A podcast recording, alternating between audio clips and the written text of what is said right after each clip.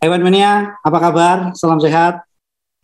Main balap hadir lagi dan kali ini kita akan membahas uh, persamaan antara balapan F1 USA dengan pagelaran wayang karena sama-sama selesai dini hari ya kan Jadi kita baru tahu ternyata wayang dan F1 USA sama aja uh, yang cukup menarik tadi malam uh, baru kali ini kita tahu panitia tidak siap dengan trofinya sehingga trofi itu benar-benar fresh dari uh, vendor diantar pakai mobil yang antara ada orang yang tidak main-main gede sekali, Shaq O'Neal itu adalah pemba, uh, pemain basket. Terakhir tahun berapa mainnya saya? Masa kalau Aduh, kira-kira sebelum 2010 itu kayaknya. 2010 ya, dia udah lama. Ya. Tapi nama itu masih menggema terus ya. Jadi ya, dia dia salah satu tetap uh, salah satu atlet paling kondang ya di Amerika sekarang meskipun usianya sudah 50-an tapi dia tetap sangat populer ya karena dulu pernah main film dan sekarang aktif jadi komentator dan masih salah satu atlet yang jadi bintang iklan paling top sekarang ya masih Sakil O'Neal ini. Ya, ya kan. Jadi kalau NBA, asa ini saya pancing sedikit banyak sekali keterangannya. Ini karena dia memang tadi mau siaran pun tunggu dulu. Ternyata saya cek TV, oh Lakers menang, oh three point terus ini. Oke, okay, tapi nah, saya saya nggak nonton Lakers tadi, nonton Kings oh, kalah. Oh iya, oh bukan Lakers. saya penggemar Sacramento Kings ya. Oh Sacramento ya. Oke. Okay. Uh, saya yang salah kalau begitu. Saya nontonnya Lakers, saya cek ada apa sih. Nah, semalam cukup menarik ada pertanyaan, kenapa pada saat uh, Shaq ini berdiri di antara para pembalap, uh, dia kelihatan sekali sangat uh, tidak tenang. Jadi sangat tidak tenang sekali. Pada saat lagu kebangsaan pun juga tidak khidmat. Bukan tidak khidmat, tapi itu adalah Shaq yang dilahirkan sebagai pemain basket. Karena dia selama lahir, eh, selama main basket, tidak boleh istilahnya diam, harus bergerak kalau diam sampai tiga detik itu kena 3 second, makanya dia bingung ya. Ya kan kena 3 second, takut kena 3 second. Tapi yang sangat menarik adalah ketika dia berdiri, ini kurang ajar sekali dia ngepur para pembalap F1. Jadi dia tidak pakai trap, tingginya sama. Ini ngepur. Uh, yang terakhir ada di uh, medsos teman-teman ternyata Lewis Hamilton fansnya tidak tidak percaya dengan hasil uh, survei yang mengatakan bahwa pembalap populer adalah Max Verstappen, Lando Norris, kemudian baru Lewis Hamilton. Ini kata uh, fansnya di Inggris, pasti Evermania Indonesia tidak dilibatkan dalam survei. Karena kalau dilibatkan pasti rankingnya akan naik nomor satu karena Lewis ini sangat terkenal di Indonesia.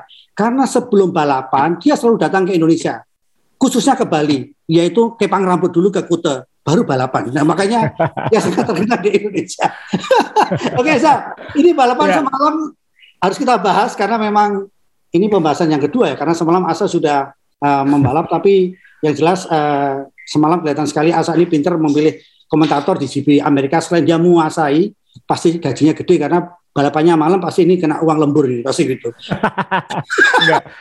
Kebetulan memang sedang di Jakarta Mas Dewa karena ada final DBL sehari sebelumnya. Jadi pas mumpung di sini. Kalau nggak pas di Jakarta mungkin ya mikir juga karena kan waduh Uh, mungkin faktor U juga Mas Yo, suruh melean itu kan setengah mati juga sekarang. Jadi ya untung balapannya ya ada yang bilang boring tapi menurut saya tetap harus diperhatikan terus sampai akhir. Jadi bisa melek sampai akhir terus uh, balik ke ke sini ke apartemen tidur sebentar kemudian bangun sekarang ketemu Mas Dewa. Jadi ini nonstop bicara F1 pagi ini. Tapi enak kan uh, sejak dini hari sampai sebelum uh, sebelum hari Senin selesai kita sudah tuntas semua ngomongin Grand Prix Amerika. Ya, Sa, boleh sedikit sebelum kita ke uh, eh, GP Amerika uh, bisa disinggung sedikit tentang MotoGP, Sa?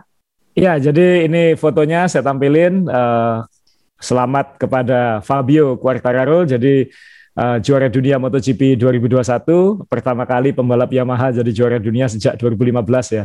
Ya. Uh, tadi malam, terus terang saya nggak sempat nonton karena sedang ada acara. Uh, tapi begitu uh, setelah jamnya saya lihat hasilnya oh, akhirnya juara dunia juga. Uh, Honda finish 1-2, uh, oh. tapi Quartararo mengunci gelar. Uh, dan ini MotoGP memang sangat kompetitif ya belakangan. Jadi Suzuki juara dunia, Yamaha juara dunia, kita nggak tahu tahun depan seperti apa. Ducati luar biasa kompetitif. Ya. Uh, saya. Tapi tahun ini memang ya sebagai penggemar balap apa pun F1 merajai dunia sekarang. Jadi uh, uh, tenggelam juga mungkin tadi malam uh, kabar Quartararo ini dengan persaingannya Lewis dan uh, dan Max Verstappen. Ya, ya. Jadi kita sekarang kembali ke Austin dan kita ngomongin top 10-nya. Uh, ya. ya mungkin ini kita harus review ya Mas Dewa ya. Betul, Jadi, betul.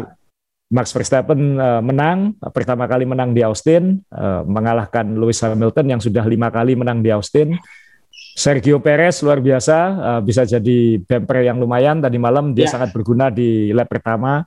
Kemudian uh, finish nomor tiga. Ferrari lawan McLaren. Dahsyat tadi malam uh, startnya. Uh, yeah. di di balapan ini seperti yang saya sampaikan pekan lalu bahwa seharusnya hingga akhir musim Ferrari mungkin sedikit lebih baik daripada McLaren sehingga McLaren. selisih sehingga Ferrari memang uh, lebih unggul lebih unggul terus beberapa lomba ini. Leclerc finish keempat Ricciardo kelima uh, Bottas. Bottas start nomor 9 uh, bisa naik ke 6 tapi 6 tidak bisa lebih jauh lagi Sainz uh, ya.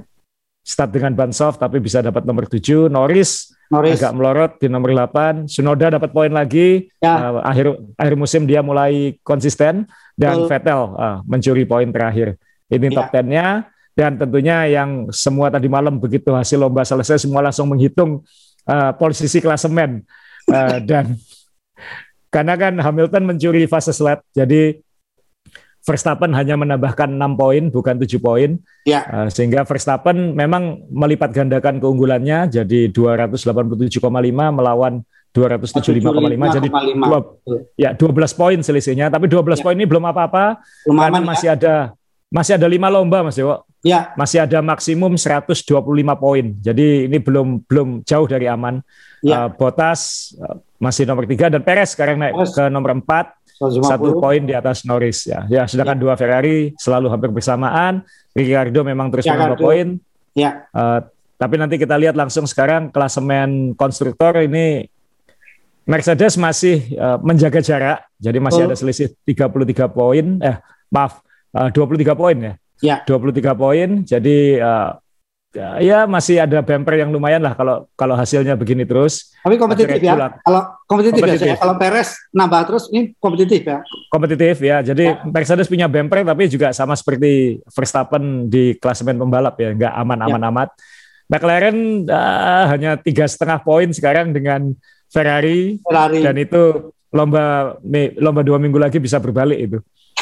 Nah, dan Alpine masih nomor 5, Alfa Tauri mengejar, ya. tapi ya alon-alon asal kelakon mungkin itu pelan-pelan. uh, Aston, Aston Martin, Martin dan Williams, Williams, Alfa Romeo dan Haas. Alfa Romeo ya, Haas masih stabil. Ya, jadi ya sekarang ya kita pasti harus ngomongin soal lomba dan ya kita memulai dari start kan Mas Dewo. Oke, okay, Mas Dewo sebelum ya Mas Dewo sebelum start itu mikirnya apa Mas Dewo? Karena kan ya tujuh kali uh, ini Verstappen pole position nomor 8. Ya. Tapi tujuh kali sebelumnya itu dia lima kali menang, dua kali tabrakan sama Hamilton. Jadi kan seru begitu. Kalau saya saya sih karena kalau saya ini kan agak sudah biasa ngelihat F1 yang ketat dan lain-lain. Tapi kalau penggemar gitu, Mas Dewo harapannya tikungan pertama itu sebenarnya apa Mas Dewo? Uh, jujur, kita semalam, kalau Mas Dewo. Semalam, semalam ya jujur ya, saya berpikir tidak ada tidak ada masalah karena saya yakin uh, startnya Verstappen bagus. Tapi yeah. giliran saya weker saya bunyi uh, dua kurang lima. Saya nonton TV pas asa ngomong ini bisa jadi, bisa jadi ini Lewis Hamilton yang keganggu karena apa? Karena posisinya belokannya ke kiri, sementara uh, Red Bull ada di kanan gitu kan. Tapi yeah. di luar dugaan saya juga, aduh kaget pada saat-saat kenapa uh, startnya Lewis Hamilton bagus dan rasanya waktunya Max Verstappen terbuang untuk ngeblok itu akhirnya karena bilangnya ke kiri kan. Nah, yeah. itu itu ya saya jadi kaget saya. Jadi waduh, ini ngeri. ini ngeri. Jadi saya tidak yeah, bisa saya... tenang di situ sama di akhir. Jujur aja di akhir udah uh jalan-jalan di dapur saya udah. saya saya juga kaget karena kan saya pikir uh, satu sisi luar itu lebih bersih karena yeah. itu racing line. Jadi ya, saya sempat berpikir Perez mungkin bisa nyalip Hamilton tikungan pertama. Ya. Apalagi beberapa lomba terakhir kan startnya Mercedes nggak spesial-spesial amat gitu. Uh, tapi ternyata reaction time startnya Hamilton luar biasa, uh, sepersepuluh ya. lebih cepat dari Verstappen dan ya. Verstappen terpaksa Schumacher chop. Nah ini kalau penggemar F1 lama pasti tahu taktik yang namanya Schumacher chop. Jadi kalau dia di depan, yang di belakangnya start lebih cepat dia langsung motong. Ya. Itu dulu julukannya Schumacher chop. Wah ini ingatan lama. Uh, dan itu ternyata merugikan Verstappen kan Mas karena ya. uh, defendingnya Hamilton luar biasa dan di puncak bukit itu, wah lihat fotografer-fotografernya Mas Dewo di belakang. Jadi apa uh, di, di puncak bukit ini Verstappen ya. sempat terbuang uh, keluar di tikungan pertama dan ini oh. untung karena sebelum start ini di sini seharusnya ada apa uh, kerbing-kerbing oranye apa kuning atau oranye itu yang ya. yang bisa merusak mobil tapi untungnya sebelum start di dicopot uh, jadi itu kalau itu masih ada kerbing-kerbing itu mungkin bisa jadi ada kerusakan pada mobil Verstappen kan Mas Jo karena kan lebih lebih bahaya jadi dia beruntung dalam hal itu uh, dan setelah itu malah dia sempat hampir di belakangnya Perez tapi untung itu Perez makanya saya bilang Perez perannya di lap pertama ini penting jadi oh, iya, karena betul, betul. begitu ya. Verstappen dalam masalah Perez langsung ngasih jalan ya. jadi setelah itu murni murni battle antara uh, Hamilton dan uh, Verstappen. Apalagi setelah lap pertama ternyata Perez botol minumnya macet, jadi nggak bisa ya. minum dia. Jadi jadi dia kesulitan banget. Nah setelah itu kan kita mikir, waduh, jangan-jangan ini Mercedes bisa bisa unggul atau menang gitu. Tapi setelah melihat beberapa lap pertama itu, loh kok Verstappen uh, nggak copot ya, gitu dalam artian Nempel. bisa jaga jarak. Saya tahu yakin pasti nggak akan mendekat terlalu dekat karena kan kalau semakin dekat angin kotornya akan mengganggu aerodinamika dan bikin ban lebih boros. Jadi Verstappen pasti jaga jarak. Dan Verstappen di radio bilang, saya lebih cepat dari Hamilton, saya lebih cepat dari Hamilton. Hamilton kelihatan belepotan katanya. Nah akhirnya uh, setelah ini, ya saya pikir wah ini harus strategi nih. Ini mau overcut atau undercut. Karena kan uh, uh, kabarnya adalah lintasan ini cukup boros pada ban, jadi memang harus dua stop. Uh, sempat saya pikir jangan-jangan akan mencoba satu stop, tapi enggak ternyata dua stop semua. Dan setelah itu ternyata Red Bull yang ngambil keputusan cepat undercut. Kita lap 11 sudah masuk pit stop dari 56. Lap ke-11 masuk dan lap time-nya Verstappen setelah itu pakai ban hard ternyata memang lebih cepat daripada Hamilton sehingga ya. ketika Hamilton masuk pit stop 3 lap kemudian lap 14 itu dia langsung ketinggalan 5 detik. Jadi itu itu satu. Kemudian kan setelah itu saya sempat ngomong sama yang di studio tadi malam, wah ini udah balapannya udah selesai balapannya udah selesai. Karena kalau memang Verstappen lebih cepat dan dia sudah sukses undercut, ya dia tinggal maintain jarak aja, uh, jaga ban dan lain-lain, pit stop berikutnya akan normal, kemudian dia akan menang ya mungkin 10 sampai 15 detik di depan Hamilton gitu. Ternyata kan enggak Mas Yo. Karena ya, ya, ya ini saya ya ini, Hamilton ya. ya ini saya mau tanya-tanyakan. Jadi gini, ya. logikanya, logikanya pada saat uh, uh, pit stop kedua itu kan kita ada keterangan tuh uh, kurang lebih 20 detik ya. Asal bilang juga di situ ada yeah. 20 detik. Yeah. Sementara ini kan yeah. Iya. uh, kecepatannya Lewis Hamilton kepangkas terus oleh uh, Max Verstappen. Iya kan? Yeah. Yang kedua loh saya, yang kedua yeah. loh. Yeah. Tapi pada yeah. saat keluar, pada saat keluar jaraknya sudah dari 9 turun turun turun sampai ke yeah. cepat sekali. Nah, ini gimana sah? Melihat sah? Ya. Jadi waktu mau kuncinya di pit stop kedua itu Mas Dewa. Jadi nah. pit stop kedua itu kan Hamilton uh, memang uh, bisa mendekat lagi uh, tapi tidak se ekstrim di akhir. Jadi ya. waktu itu Red Bull harus bikin keputusan lagi nih. Kita undercut lagi. Jadi kita pit stop duluan lagi dan dia pit stop masih sisa apa? 27 lap dia ya. pit stop. Jadi bayangkan ban hard setelah pit stop pertama dia hanya pakai 19 lap. Lalu dia pit stop kedua dan Verstappen harus memastikan ban itu awet 27 lap sampai finish. Jadi kan pasti lebih susah akhirnya daripada tengahnya. Sedangkan Hamilton luar biasanya di middle stint itu di tengah-tengah itu dia bisa mengulur ban hard pertamanya itu sampai begitu lama sehingga dia bisa punya celengan 7-8 lap dari Verstappen. Jadi saat finish bannya bannya Hamilton itu 7 lap 8 lap lebih seger. Nah, ini kan eh, Red Bull juga sudah tahu ini bahwa nanti oke okay, Verstappen hemat banmu khususnya ban belakang supaya nanti kalau misalnya lima lap terakhir itu Hamilton mendekat, kamu punya traksi cukup, cukup. kelekatan cukup saat keluar dari tikungan, khususnya ya. keluar dari tikungan sebelum DRS. Supaya Hamilton tidak terlalu dekat. Karena kalau Hamilton dapat DRS, bahaya. Karena ya. top speednya Mercedes ini lebih tinggi daripada Red Bull dan ya kalau sudah pakai DRS kan kayak nggak ada perlawanan bisa jadi kan. Nah, jadi di satu sisi Hamiltonnya sempurna dalam mengeksekusi uh, serangan. Ya. Nah kemudian Verstappen dan Red Bull kembali sempurna dalam mengeksekusi pertahanan. Pertahanan. Jadi ini kan, kan kita kan selalu bilang untuk mengalahkan Hamilton harus perfect. Dan tadi malam Verstappen perfect. Perfect. Dia bisa kan waduh kita deg-degan juga waduh. Dari 9 detik tiba-tiba tinggal satu ya, koma kan. Iya. satu koma Dan saya ya. pikir waduh ini kalau sampai kena DRS kurang tiga lap bisa kena ini, tapi ternyata enggak. Ternyata Verstappen meskipun dikejar dia tetap tenang menghemat ban sehingga lap-lap terakhir itu ketika Hamilton bannya juga mulai habis, Verstappennya ya. masih punya. Uh, Red Bull bilang bannya Verstappen katanya benar-benar habis di akhir lomba. Saya sih nggak percaya. Tapi yang jelas uh, dia menghemat ban cukup sehingga dia ini fotonya dia bisa menjaga jarak dengan dengan Hamilton dengan sangat baik. Jadi sebenarnya meskipun Hamilton mendekat tapi tidak pernah mengancam secara langsung.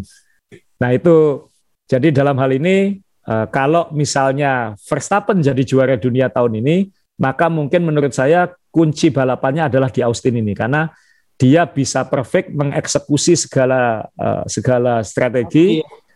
Uh, kemudian tenang, timnya juga perfect menghadapi gempuran sehingga bisa menang dengan tenang. Nah, ini menurut saya ini kemenangan mungkin bukan yang paling dramatis tapi ini kemenangan terbaiknya Verstappen tahun ini menurut saya. Karena dia benar-benar uh, harus perfect.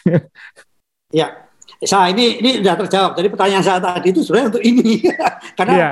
ternyata saya saya asal uh, jeli sekali tadi bahwa waktu masuk yang kedua setelah keluar. Nah, ini yang yang jadi pertanyaan saya. Ini kan uh, sektor tengah itu apakah benar-benar ini yang yang akan membawa uh, Red Bull ini kompetitif di balapan selanjutnya? Kan selalu dibilang ini sektor tengah yang membuat uh, Red Bull ini lebih menang daripada uh, apa Mercedes. Karena kalau kita lihat semalam waktu Max Verstappen ganti ban baru hard setelah keluar yeah. kedua itu Lewis Hamilton sempat masih lebih cepat loh, Cak. Iya. ini gila kan. Ini, Maka ka ini. karena itu Red Bull memutuskan undercut sekarang gitu. Undercut sekarang. Uh, jadi uh, kita segera masuk ke ban fresh ya kita memilih uh, track position, memilih posisi di lintasan dan bertahan habis-habisan di akhir daripada kecolongan di tengah dan harus mengejar di akhir. Jadi ya ini pilihan-pilihan strateginya uh, harus dieksekusi dan tepat sekali tadi malahnya. Tapi kan kuncinya pada Verstappen, dia tetap harus bisa mengeksekusi uh, strategi Baik, itu. Ya. Kan percuma sorry, saja, ya. Ya sorry sa, kalau kalau dijabarkan lagi sa, uh, track ini kan track punya Mercedes. Kenapa? Ya. Nah, kenapa Red Bull begitu dominan dan sektor mana menurut Asa yang kuncinya itu bahwa Red Bull ini Red Bull kuncinya memang harus menang di sektor ini, sektor ini. Ini kan ya, ya. seperti Asa tadi bilang harus sempurna, eksekusinya harus bagus. Kalau ngelihat uh, sektor-sektornya itu Red Bull sebenarnya lebih cepat di sektor 1 dan sektor 3. Kemudian Mercedes lebih cepat di sektor 2. Sektor 2 itu yang ada trek lurus panjangnya di tengah-tengah itu. Ya. Sehingga uh, makanya kenapa hemat ban belakang buat Verstappen. Jadi ketika keluar dari tikungan 11 itu sebelum DRS yang panjang itu dia bisa akselerasi keluar cukup jauh sehingga Hamilton tidak tidak bisa mendekat. mendekat. Jadi kuncinya memang di situ. Nah, memang soal pace kok kenapa kok Red Bull bisa begini cepat di Austin, saya juga kaget Mas Dewa karena kalau melihat hasil latihan hari Jumat ya. itu Mercedes masih waduh Mercedes jauh ini kayaknya kayak gitu. Ya. Tapi kemudian begitu free practice 3 qualifying, lo kok Red Bull seperti ini? Saya mungkin ingin nunjukin foto ini Mas Dewa. Ini kuncinya Mas Dewa menurut saya. Apa Orang yang di kiri Mas Yo, Adrian Nui. Oh. Ya. Ingat Adrian Nui sempat beberapa pekan absen karena kecelakaan sepeda di Kroasia. Ya. Uh, dan ternyata dia sempat uh, gegar otak atau cedera kepala. Aduh. Jadi kalau dilihat di, di kamera tadi malam memang ketutupan masker ya, tapi ada ya. bekas operasi atau luka di wajah sebelah kiri sebenarnya. Ya. Jadi uh, dan dia baru bergabung di Red Bull lagi di Turki dan sejak Turki itu kan performanya Red Bull sebenarnya lumayan gitu. Di Turki yang memang hujan ya, jadi kita nggak nggak nggak tahu betul seperti apa peta kekuatannya. Tapi di Austin ini uh, mobil Red Bull bisa menemukan sweet spotnya yang itu mengalahkan uh, Mercedes, out develop Mercedes dan kata bos-bosnya Red Bull kembalinya Nui ini penting karena dia langsung menemukan uh, bukan masalah ya, tapi dia langsung menemukan kunci-kunci setelan baru untuk mengoptimalkan mobil Red Bull ini. Karena kan orang yang sakti bisa melihat angin kan orang ini Mas Yo. Jadi dia yang dia dia yang tahu filosofi mobilnya, jadi kalau setelannya diginiin bisa kayak gini. Ya. Jadi begitu dia kembali arah setelan mobilnya jadi lebih baik dan ya kita lihat sekarang, maksudnya tadi malam itu kan bukan berarti Red Bull dominan kan Mas karena kan menangnya kan menang tipis. Iya, jadi hal-hal kecil hal-hal kecil di entah itu di kualifikasi atau di di di tikungan-tikungan tertentu itu Red Bull bisa menemukan uh, kunci kecepatan. Ya. ya, jadi ya menurut saya jawabannya adalah orang ini, si Adrian Nui ini. Ini orang ini orang sakti kok. Saya dulu pernah ketemu waktu ketemu kan kita tanya Adrian, can you really see the wind itu? Kamu bisa ngelihat angin ya bilang karena kan uh, mungkin dia bisa ngelihat apa? Kalau kita ngelihat angin, kita nggak bisa ngelihat angin, mungkin dia hadiah dari Tuhannya bisa ngelihat angin sehingga ketika ngelihat mobil itu anginnya harus begini. Ingat dia desain desain desain mobil masih pakai gambar Mas Yo. Nggak pakai ya? komputer. Dia pasti masih manual pakai pakai papan gambar. Jadi ya ini orang termahal di F1 menurut saya bukan bukan pembalap mana pun.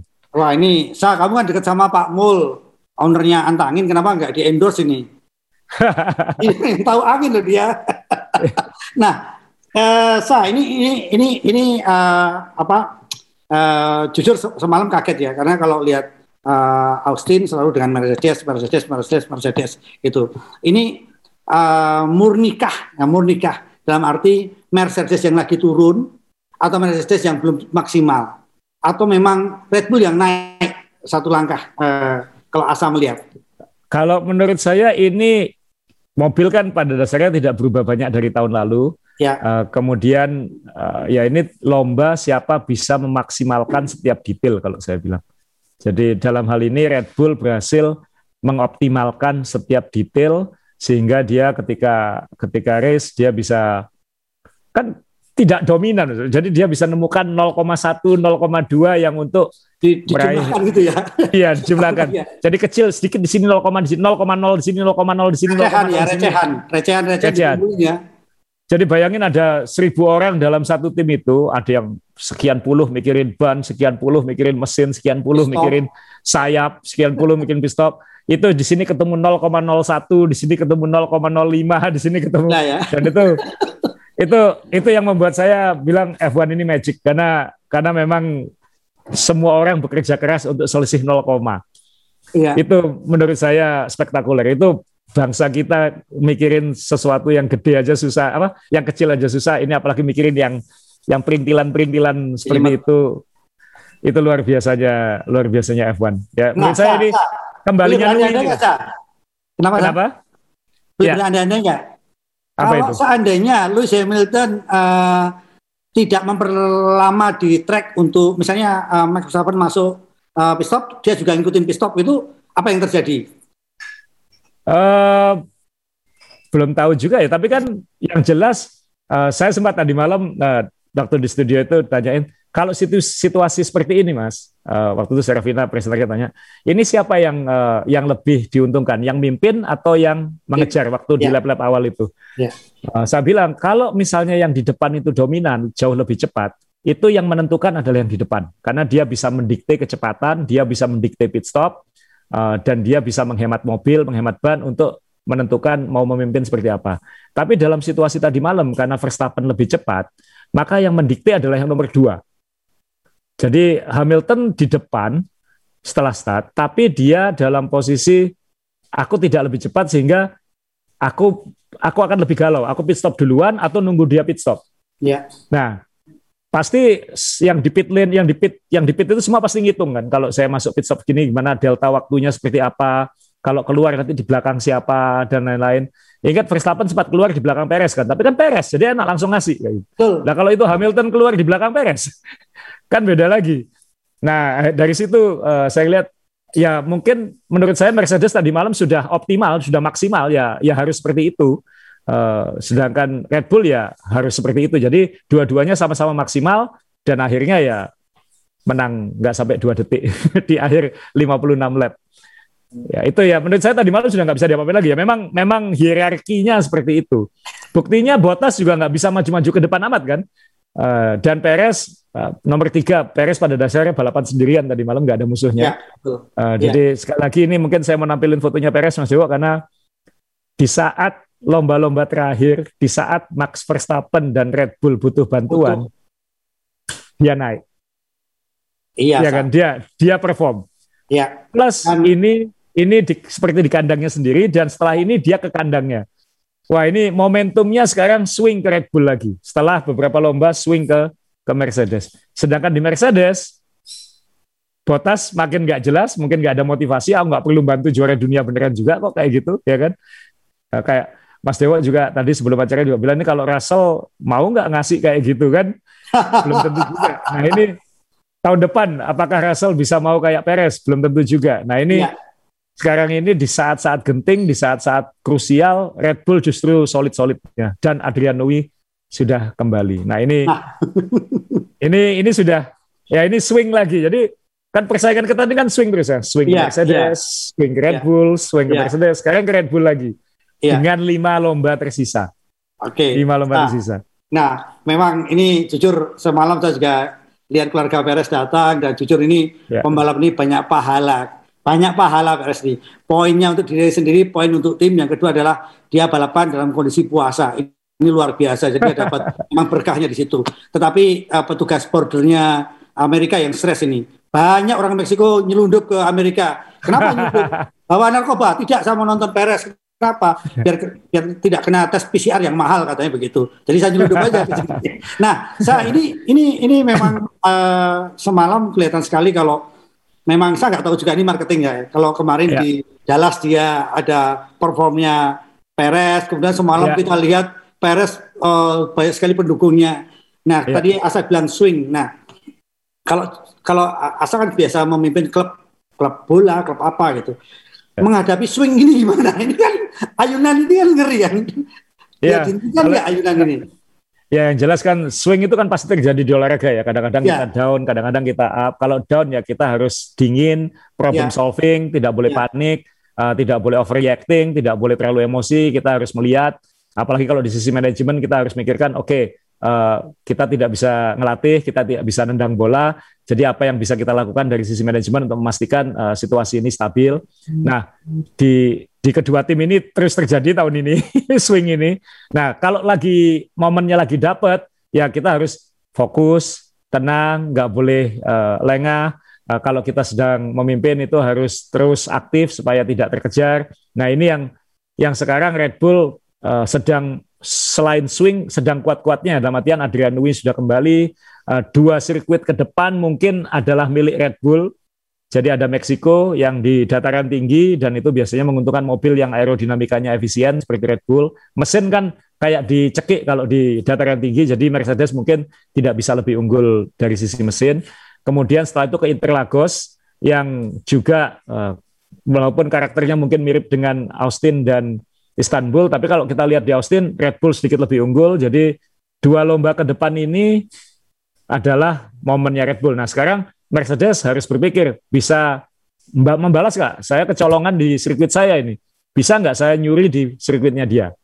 Nah itu yang Mercedes sekarang jauh lebih eh, kalau orang Jawa bilang lebih gupuh masuk lebih harus ngapain harus ngapain ya. karena Hamilton sudah sempurna ya. strategi tim juga juga tidak jelek kan tidak salah juga gitu tapi kita masih kalah Nah ini harus bagaimana? Ya tadi hal kecil kecil kecil kecil itu tekanan ban kurang satu PSI, eh, sayap kurang 0,2 derajat itu akan akan sangat menentukan nanti siapa yang dapat swingnya ini. Jadi kita akan menyaksikan lima, lima lomba terakhir yang yang spektakuler ini nanti karena saya sih makin ya musim F1 seperti tahun ini belum tentu terulang setiap 10 tahun. Itu yang kita sebagai penggemar F1 harus bersyukur kita punya hiburan yang luar biasa tahun ini.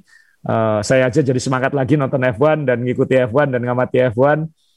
Dan ini oleh F1 juga dimaksimalkan, Mas Yo. Wah, dimaksimalkan karena kan ini jualan dia tahun depan ini kan. Uh, tahun depan wah tahun depan cuan ini F1 karena kan banyak banyak sponsor baru, banyak banyak apa namanya uh, hak siar baru mungkin Indonesia aja mungkin hak siarnya tahun depan bisa mahal lagi kayak gitu. Sehingga ini ini bisa uh, jadi momentum jualan F1 di akhir musim untuk tahun depan dan berikutnya. Jadi menurut saya masa depan F1 luar biasa dan marketing dia di Amerika kan luar biasa Mas Dewa. Ya, ini ya. yang uh, yang tadinya dingin ya saya, tadinya dingin-dingin. 2012 ingat, tidak se 2012 betul. kan jadi penonton seperti mereka semalam kan. Itu juga tidak sepadat semalam. Iya, jadi kalau kita lihat penonton tadi malam, wah kan 400 ribu dalam tiga hari berarti kan hari. kalau 120 ribu saat kualifikasi berarti kita kira-kira 200 ribu orang nonton Semalam. lomba ini dan tanpa masker pada dasarnya di Texas kan ya. di Amerika. Nah ya. ini ini maksudnya F1 benar-benar uh, serangan marketing F1 ke Amerika ini luar biasa itu. karena ya ini efek Netflix juga uh, Drive to Survive sangat populer di Amerika. Uh, ya. Saya sendiri kaget. Uh, jadi orang jadi kenal latar belakangnya F1, F1. kenal pembalap-pembalapnya. F1-nya juga dimanage oleh orang Amerika yang tahu cara memasarkan di Amerika. Ya. Dia bikin kolaborasi dengan dia membawa elemen-elemen American football. Jadi cheerleader putih biru yang kita lihat tadi malam itu cheerleadernya Dallas Cowboys. Salah, ya. tim cheerleader tim football paling terkenal mungkin di Amerika. Marching bandnya dari University of Texas yang kebetulan ya. di Austin, uh, Texas ya. Longhorns. Kemudian ya. ada kolaborasi dengan NBA ya kan karena NBA tahun ini merayakan musim ke-75 jadi ada selain Sakil O'Neal ngasih piala juga ada di Kembe Mutombo ada ya. lapangan ya. basket kecil di situ uh, sehingga ya kolaborasi marketing uh, menyenggolkan F1 dengan hal-hal yang disukai Amerikanya berjalan dengan baik. Contohnya ini saya mau satu foto lagi uh, Daniel Ricciardo naik mobilnya Dale Earnhardt yang kita ya. bahas pekan lalu itu. Ini kan juga sangat menyentuh buat orang Amerika karena Dalton Hart itu kayak Ayrton Senna-nya Amerika Mas Dewo. Oh, nah, jadi itu ya marketingnya ya. Dia pembalap pembalap yang dicintai oleh oleh orang Amerika khususnya di wilayah selatan seperti Texas ini. Ya. Nah, itu yang yang uh, bikin F1 ini benar-benar bikin memikat. Kalau kita ingat kan dulu Monaco yang diginiin Mas Yo ya, tapi kan ya. ada sombongnya, ada mewahnya, ya, ya. ada anggunnya. Ya. Amerika ini kan ada semua pembalap pakai topi koboi, Kemudian uh, Daniel Helm, helmnya ya, tematik helmnya. semua Amerika gitu kan. Ya, ini uh, Om Bobby Arifin kebetulan ke Austin hari Jumat, ya. hanya hari Jumat. Dia sempat mengirim saya beberapa foto. Ini foto dari Om Bobby Arifin, uh, ya. fotonya Lando Norris uh, dengan helm bendera Amerika. Ya. Dan dari sini aja udah udah kelihatan pembalap-pembalap ini memperlakukan Amerika sebagai kita harus sukses di sini karena kalau ya. kita sukses di sini, ini market terbesar di dunia. Nah itu yang yang mereka jual betulan. Tahun depan ada dua lomba di Amerika. Jangan kaget kalau 2023 ada tiga lomba di Amerika karena Indianapolis juga pengen lagi. Nah, semakin banyak lomba di Amerika ya ini akan benar-benar jadi olahraga nomor satu di di dunia, salah satu olahraga paling paling populer. Dan nanti kemungkinan besar kan ada tim uh, mari, uh, keluarganya Andretti akan mengakuisisi Alfa Romeo sehingga ya. ada satu lagi tim Amerika di di F1 selain Haas Nah itu jadi ya kita akan melihat kampanye Amerika di di F1 dalam dalam beberapa tahun ke depan. Ya tadi yang paling disinggung Mas Dewa ya ini kan raksasa satu ini kan. nah uh, semalam juga human interestnya bagus sekali ketika Max Verstappen menang ada anak pakai uh, bajunya Max Verstappen tiga tiga bapaknya pakai Red Bull pelukan aduh saya bilang ini baru ini Evan tentu seperti ini ya kan yeah. Evan baru tentu yeah. seperti ini gitu kan menurut saya Jadi, ini buatan Amerika Iya, jadi dulu ya kita ingat Mas Dewa ya, orang Amerika kan dia nonton tapi dia kan ini apa, ini kenapa, ini kan itu nggak paham.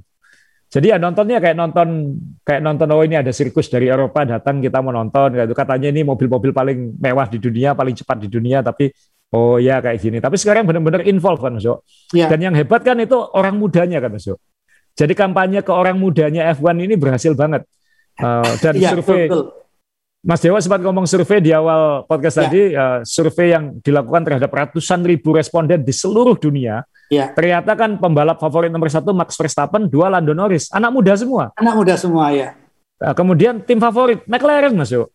Sedangkan zaman kita dulu kan Ferrari, Ferrari, Ferrari baru Ferrari, yang lain. Ya. ya. Nah ini Ferrari kan ketinggalan gitu. Nah ini yang yang menunjukkan bahwa dunia sudah bergeser ini, dunia sudah bergeser nah, dan ya. F1 F1 sekarang memposisikan dirinya untuk masa depan, tidak lagi tidak lagi terlena oleh masa lalu atau uh, terlalu uh, menjual masa lalu karena masa lalunya udah ganti generasi. Nah itu yang yang uh, menurut saya sukses. Uh, McLaren kan juga bosnya orang F, orang Amerika, gitu, bukan bukan orang Inggris lagi. Jadi ya ini sudah Americanize-nya F1.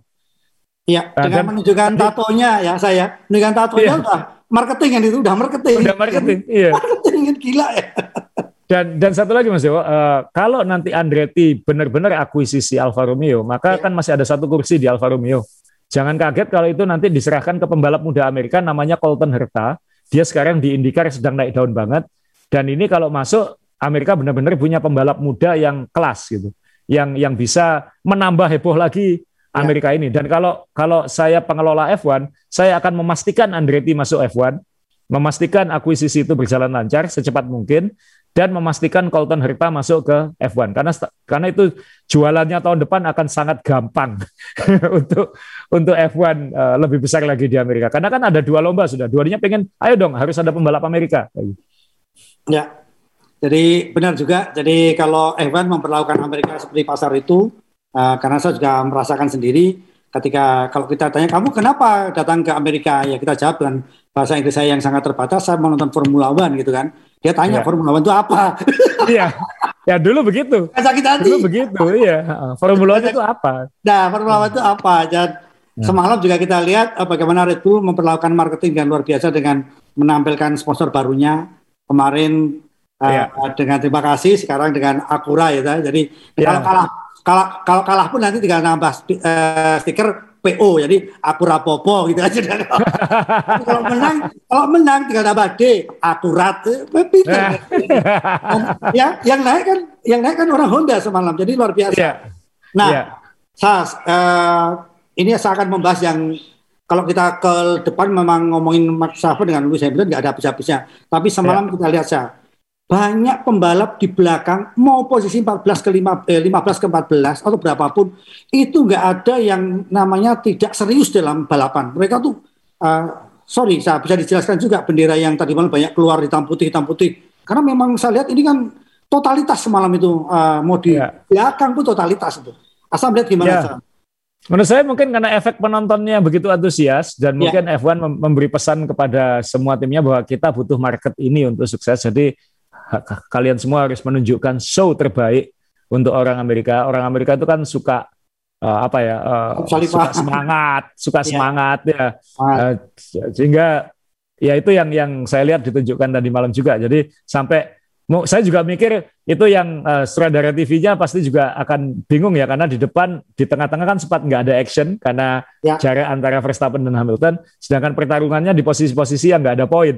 Ya, ya udahlah saya pindahkan ke situ saja. Jadi depan boring, uh, relatif boring di di tengah lomba, kemudian ke belakang ada saingan seperti ini, uh, ya itu yang dia dia mainkan dan itu bagusnya F1 sekarang juga kan Mas dia lebih rata dalam menampilkan tim-tim ya. ini kan.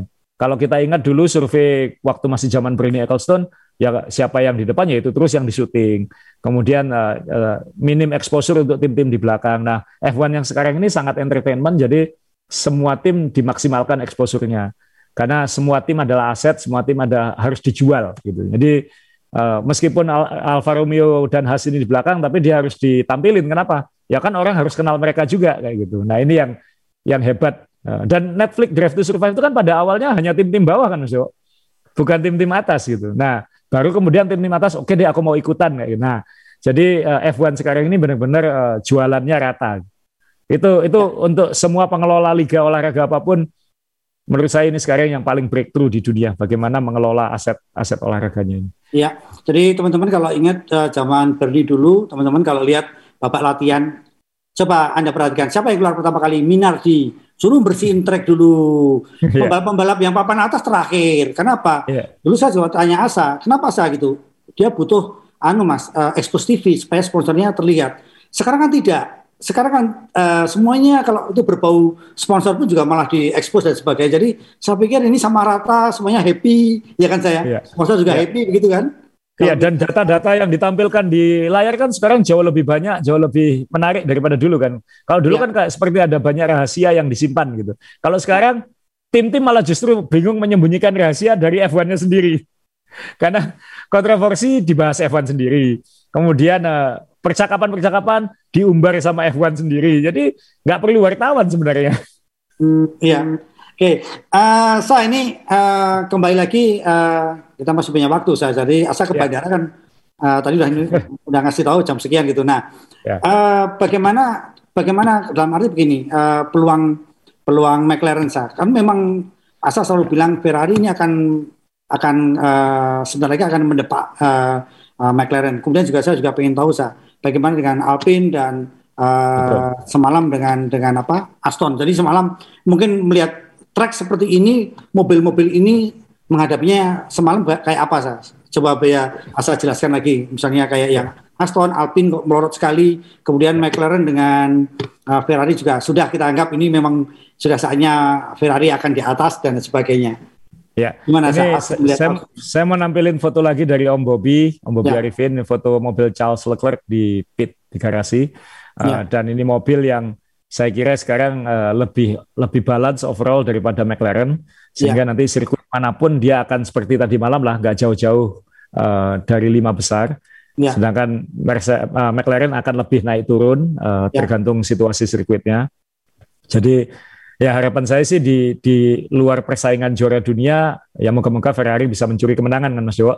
Ya betul. Karena kalau Ferrari bisa menang satu itu kan akan menambah value lagi dari F1 ini secara keseluruhan minimal penggemar terbesar Ferrari ini kan penggemar lama F1 itu juga jangan diabaikan juga karena uh, jangan-jangan yang tua ya penggemar tua-tua ini tenggelam oleh yang penggemar uh, anak-anak nah. muda ini nah, itu kan cara membangkitkannya membangkitkannya bagaimana ya Ferrari harus menang nah, Lakers, nah, itu yang Lakers Lakers ini Lakers ya. sehingga kita kita menunggu uh, kiprah Ferrari seperti apa. Uh, ya saya sih sekarang berharap toh McLaren sudah menang, sudah cukup buat mereka. Nah tinggal bagaimana Ferrari. Kalau tim-tim lain, saya mau kembali ke klasemen konstruktor tadi. Ya, ya memang kalau kita lihat di sini mungkin kita abaikan tiga yang di bawah. Ya. Uh, Williams, Alfa Romeo dan Haas mungkin tidak akan banyak berubah. Uh, tapi Aston Martin ini juga tanggung sebenarnya. Dia mau ngotot juga ngejar ke Alfa Taurinya dan ke Alpine-nya agak jauh. Tapi Alfa Tauri ini masih cukup dekat dengan Alpine. Sehingga uh, performanya seperti apa kalau kita lihat uh, beberapa lomba terakhir Alfa Tauri lebih kompetitif daripada Alpine. Karena itu mungkin terkait dengan mesin Honda yang yang uh, konsisten sampai akhir ya dan mungkin mesin baru-baru kalau nanti ada penalti pengganti atau apa itu mesinnya lebih kompetitif daripada mesin Renault yeah. yang di Alpine.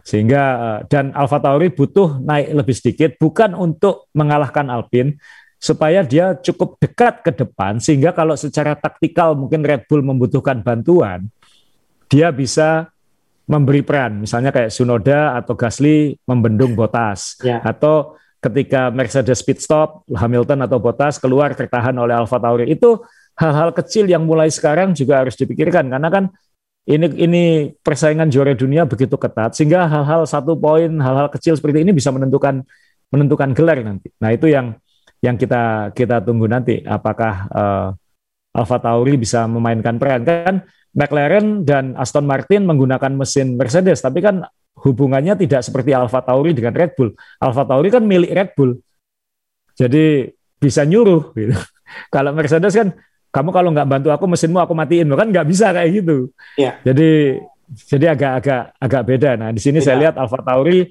ya saya termasuk yang kurang puas dengan Sunoda di awal musim. Penonton podcast ini pasti tahu, tapi dalam dua lomba terakhir dia menunjukkan uh, lebih dewasa lah, lebih dewasa, peran lebih tahu ya. Ya lebih tahu perannya seperti apa, seperti waktu di Turki menahan Hamilton begitu lama. ya. Kemudian tadi malam dia juga sempat sempat Putas. menahan dikit-dikit ya. Nah, sehingga ya ini Alfa Tauri akan jadi ya bisa jadi kartu yang dimainkan oleh Red Bull untuk untuk mengejar juara dunia. Yaitu yang yang saya lihat. Jadi persaingan di di belakang seperti ini. Tapi ya. mungkin mungkin kita lebih asik ngomongin karena gara-gara balapan di Amerika jadi rame begini kan, wah tahun depan gimana caranya kalau bisa nonton kita nonton ke sana masuk karena kan ini ya sa ini sudah ini jadi pesta ya. baru. Iya, ya. sa ini rekor ya Austin ya saya rekor dalam arti baru nah ini nanti kita mau bahas ini dulu tapi uh, ini rekor ya As, uh, Austin karena tadi malam ada mobil yang uh, DNF ya. Iya. Iya. Oh ya. DNF uh, yang DNF catatan khusus adalah Ocon Mas Yo karena menurut saya itu nggak rusak. Kenapa sah? Jadi toh dia sulit dapat poin. Ya. Uh, dengan lima lomba tersisa jatah komponen yang makin makin apa ya makin aus makin waktunya diganti Nah mungkin masuk aja, uh, uh, mending kita selamatkan mesinnya, komponen-komponennya supaya nanti di balapan-balapan berikutnya kita mungkin bisa lebih fresh dari yang lain. Jadi itu mungkin uh, strategi untuk retire. Jadi bukan DNF DNF tapi DNF untuk strategi. Kan Ocon juga tanya, ada kenapa? Gitu. Nanti kami nanti kita bicarakan setelah kamu finish ya. Paling sebenarnya nggak rusak, tapi daripada kamu paksain, kita mending hemat komponennya untuk lomba-lomba berikutnya. Kan tidak mungkin dia secara publik ngomong percuma kita finish. Ya kan kan nggak mungkin. Tidak sportif ya? Iya. Iya. Bisa kalau didenda ya, itu nanti. kalau Gasly memang kondisi rusak ya? Uh, anu suspensi mas Yo. Suspensi ini yang ya? ya ya ini yang uh, sempat dikhawatirkan karena bampinya Austin ini ya. uh, kan sayapnya Verstappen sempat retak uh, saat latihan sehingga sebelum kualifikasi harus dikuatin komponen-komponennya nah itu yang uh, dikhawatirin uh, bumnya itu bisa merusak uh, mobil dan mungkin yang jadi korban ini Gasly. Jadi waktu Gasly mengalami masalah suspensi belakang itu ya kita deg-degan juga karena itu komponen kan mirip dengan yang dipakai Red Bull. Red Bull ya. Jangan, jangan itu berpengaruh ke Red Bull tapi uh, untung buat Red Bull itu tidak terjadi. Sehingga yang di NF hanya Gasly dan uh, dan Ocon itu. Iya, jadi saya waktu dia bilang suspensinya bermasalah saya juga jadi ingat ini apa Alfa Tauri ini penghematan ya. Jadi komponen suspensi ini dia tidak pakai baru tapi model yang disuntik-suntik kayak kita punya mobil itu kan. dilak, dilakban. Dilakban. Loh, tapi saya semalam memang lakban kelihatan sekali kan kalau waktu waktu finish kemudian di close up mobilnya ya. Microsoft itu lakbannya udah terbang-terbang kan gitu. Iya. iya kan? Sebenarnya mobil Evan oh, mobil Evan tuh banyak selotipnya Mas Jadi kayak kayak sambungan bodywork itu kan ditutup pakai selotip, cuman kadang selotipnya warnanya sesuai dengan warna body dan warna logo-logonya sehingga nggak kelihatan karena sebenarnya banyak sekali stiker-stiker dan lakban di mobil F1 itu. Nah ini ini F1 harus bayar hak paten kepada UKM Indonesia karena kalau Lebaran kita dapat kastengel itu nyari selotipnya sulit kan. Kalau Lebaran kan nyari ini ini kan teknologinya orang Indonesia nih. Jadi dapat kue Lebaran ini mana selotip ujungnya ini? Nah, berarti kan rapi banget selotipnya Mas ya. Jadi kalau dites di terowongan angin, betul, itu toplesnya Kastengel itu aerodinamisnya bagus karena selotipnya rapi. Oke, kita kembali ke Ewan lagi. Jadi kalau uh, yang jelas uh, selamat untuk uh, Mick Schumacher karena finish ke-16 semalam. Dan uh, sorry saya bisa dijelaskan bendera terlalu malam kenapa muncul tag itu bendera hitam putih untuk siapa? Itu kan bendera tidak sportif atau apa ya saya? Uh, tidak, tidak, saya, saya mohon maaf saya mungkin tidak terlalu perhatian yang itu mas ya. Yo, tapi uh, kan pelanggaran kalau yang dimaksud bendera dari F1-nya itu mungkin karena track limit ya kayak uh, oh. Kalau terlalu melebar injak garis itu ada warning warningnya mungkin ada pembalap beberapa pembalap dapat warning Verstappen sendiri sempat dapat warning pertama dan ingat tikungan satu tadi kerbingnya dicopot itu jadi ada track limitnya juga. Oh iya. Uh, kemudian uh, si Sains kan juga sempat disuruh ngasih tempat lagi ke Norris. Uh, ya banyak hal-hal kecil tapi secara overall lomba tidak tidak berpengaruh. Iya. Uh, tidak tapi kalau investigasi semalam banyak sekali ya memang ya kalau kita lihat ya. ya. Sedikit ya, investigasi ya, ya kan. Ya itulah karena kan banyak senggolan-senggolan juga itu kan kayak Alonso ya. dengan Kimi, wow dua pembalap 40-an ini niat juga ya. ternyata saling saling ya. senggol.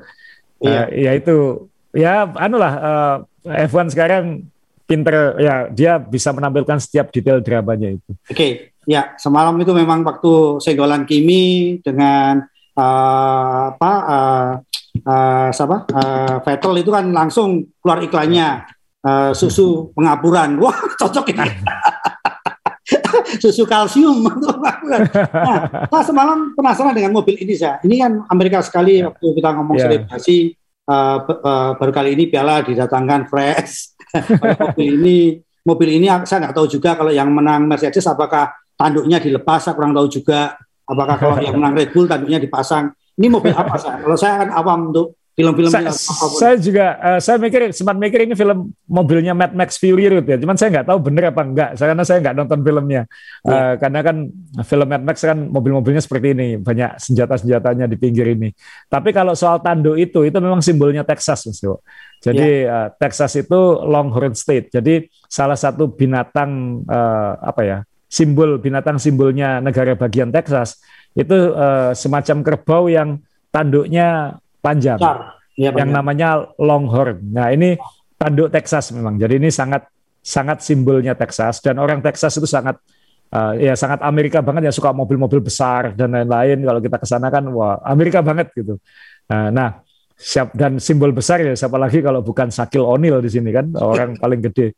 Uh, tingginya dua kalau yang penasaran tingginya O'Neal berapa? O'Neal itu tingginya 2 meter 16 jadi uh, tinggi sekali uh, ukuran sepatunya 59 dan sang satu sepatunya dia dua kaki saya bisa masuk uh, dan uh, saya tahu ada orang di Solo yang punya koleksi sepatu bekasnya O'Neal uh, uh. jadi jadi kalau lihat ini orang uh, raksasa memang uh, raksasa besar uh, ya kita lihat di podiumnya kan lucu juga itu kita lihat Hamilton kan pendek Mas Dewo. pendek. Verstappen masih agak tinggi. Verstappen sama yeah. saya kurang lebih di 175-an yeah. ini kan. Uh, kemudian uh, Perez juga pendek. Jadi ketika O'Neal berdiri Hamilton masih kalah tinggi kayaknya tadi malam sehingga sampai ada memenya tuh kayak uh, gambarnya sek dibesarin lagi dikit jadi kayak ada raksasa di atas podium itu. itu menurut saya ya. Dan ini kan banyak selebritinya juga kan tadi malam sore. Ya, jadi yang ya, saya yang kita diskusikan pekan lalu di podcast pekan lalu bahwa tamu-tamunya F1 di Amerika ini orang-orang yang tidak biasanya kita temui di sirkuit gitu. Ya. Uh, tadi malam George Lucas datang lagi. Ya, sama istrinya. Uh, dengan istrinya ya, yang yang kulit hitam di sebelahnya itu ya, istrinya. Uh, kemudian uh, ada saya nggak tahu penyanyi-penyanyi sekarang tapi ada Megan the trainer atau siapa gitu yang yang jadi bintang tamu yang yang sempat uh, nyuekin uh, Martin Brundle ya kalau nggak salah. Kayak wawancara F1 dicuekin nama dia padahal itu legendanya F1 kemudian ya karena saling nggak kenal tadi kan ya. belum. Kemudian beda ada generasi. beda generasi. Kemudian ada uh, komedian salah satu idola saya sebenarnya namanya Ben Stiller. Uh, film komedi lucu-lucu Meet the Parents, Meet the Fokker itu uh, tadi malam juga hadir. Uh, dan ya Shaq pasti yang paling kelihatan uh, tadi malam. Jadi ya itulah F1 di di Amerika uh, tamu-tamunya kita nggak kadang nggak nyangka siapa saja. Uh, sama ada guyonan tadi malam terus mana gitu Sergio Perez ternyata kayak gitu. Sergio Perez kan kayak Tom Cruise yang lebih gemuk. ya, oke. Okay. Uh, saat ini waktu udah uh, mepet uh, karena saya harus ke bandara. Uh, ya. Saya nantang lagi untuk balapan selanjutnya. Kurang lebih siapa saya yang satu dua tiga saya. Oh, saya salah loh di sini, karena minggu lalu saya bilang uh, Hamilton, Verstappen, ya. Perez. Tiga-tiganya naik podium, tapi urutannya kan salah gitu. Ya, nggak ada masalah saya. Hal ini saya juga. salah saya salah yang agak seneng karena saya agak bias ke Verstappen kan kayak gitu. Ya, ya. Bukan berarti nggak suka Hamilton Mas Dewa ya, Mas. Ya. Kita harus kita dulu sangat suka Hamilton Mas Dewa ya saat awal-awal ya. kita termasuk yang sedih waktu Hamilton gagal juara dunia 2007 dan lain-lain. Tapi ya, ini sudah waktunya sudah waktunya ganti generasi. Ya. Uh, jadi kalau di Meksiko alangkah spektakulernya kalau Perez bisa juara. Ya. Minimal pole position mungkin untuk entertainment orang Meksiko karena kan ya. sempat absen juga tahun lalu. Nah, tapi kalau misalnya dalam situasi itu ada Verstappen, ya mungkin Perez harus kalah ke Verstappen. Dan karena ini sirkuit yang seharusnya sirkuitnya Red Bull, ya saya harus bilang mungkin akan berani di sini bilang Red Bull finish 1-2 karena mereka butuh klasemen konstruktornya itu. Kira-kira kayak gitu. Ya, itu prediksinya.